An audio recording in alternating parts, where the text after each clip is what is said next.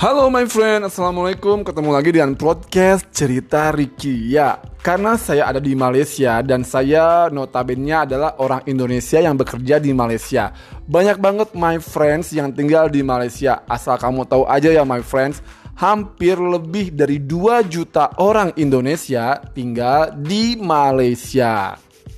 Oke, pertanyaan kalau kita lagi ngobrol sesama orang Indonesia itu pasti Salah satunya adalah tentang paspor Indonesia. Persyaratan membuat paspor Indonesia di kedutaan. Nah, kebetulan my friend saya ada kenalan dan juga tahu dari sumber yang bisa dipertanggungjawabkan yaitu website kbrikualalumpur.org. Nih ya buat my friend yang males baca, yang males buka website, kita enakan ngobrol melalui broadcast dong ya. Saya akan ngasih tahu kamu persyaratan umum paspor dan SPLP. Nih, khususnya buat orang Indonesia yang ada di Malaysia. Oke okay, my friend, persyaratan umum ketika kita mau buat paspor di kedutaan Indonesia Yang pertama adalah membuat temu janji atau appointment secara online. Karena sekarang semenjak pandemi corona semuanya dilakukan secara online. Termasuk saat kita mau mendaftarkan untuk membuat paspor. Kalau zaman dulu buat paspor itu datang ke Indonesia Embassy ngantri-ngantrian sampai ngantri panjang berjam-jam dari pagi sampai sore. Sekarang itu sudah enggak lagi my friend. Lebih enak banget kamu tinggal buat temu janji online ya. Temu janji online di website Kedutaan Indonesia yaitu di mana nih saya bacain. Kalau kamu ingin gampang banget, kamu tinggal Google aja KBRI Kuala Lumpur nanti keluar tuh. Nah, kamu pilih website KBRI Kuala Lumpur titik org. Di situ kamu akan masuk ke dalam website kedutaan.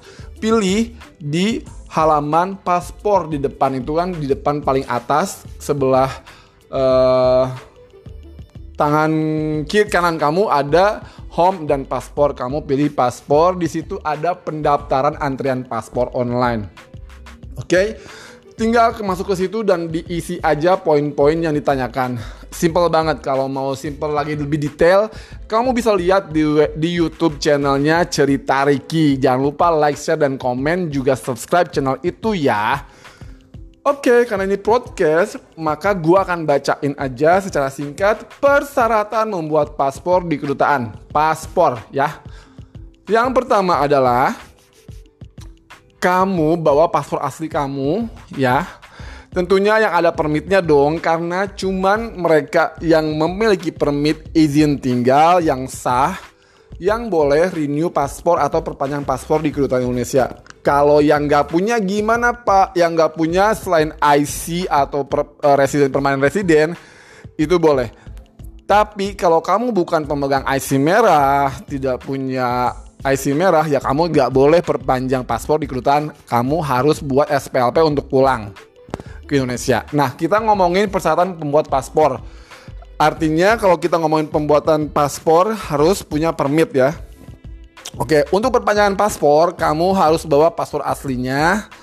Kamu fotokopi lah, fotokopi paspor asli yang ada fotonya dan juga permit tinggalnya di fotokopi yang masih berlaku.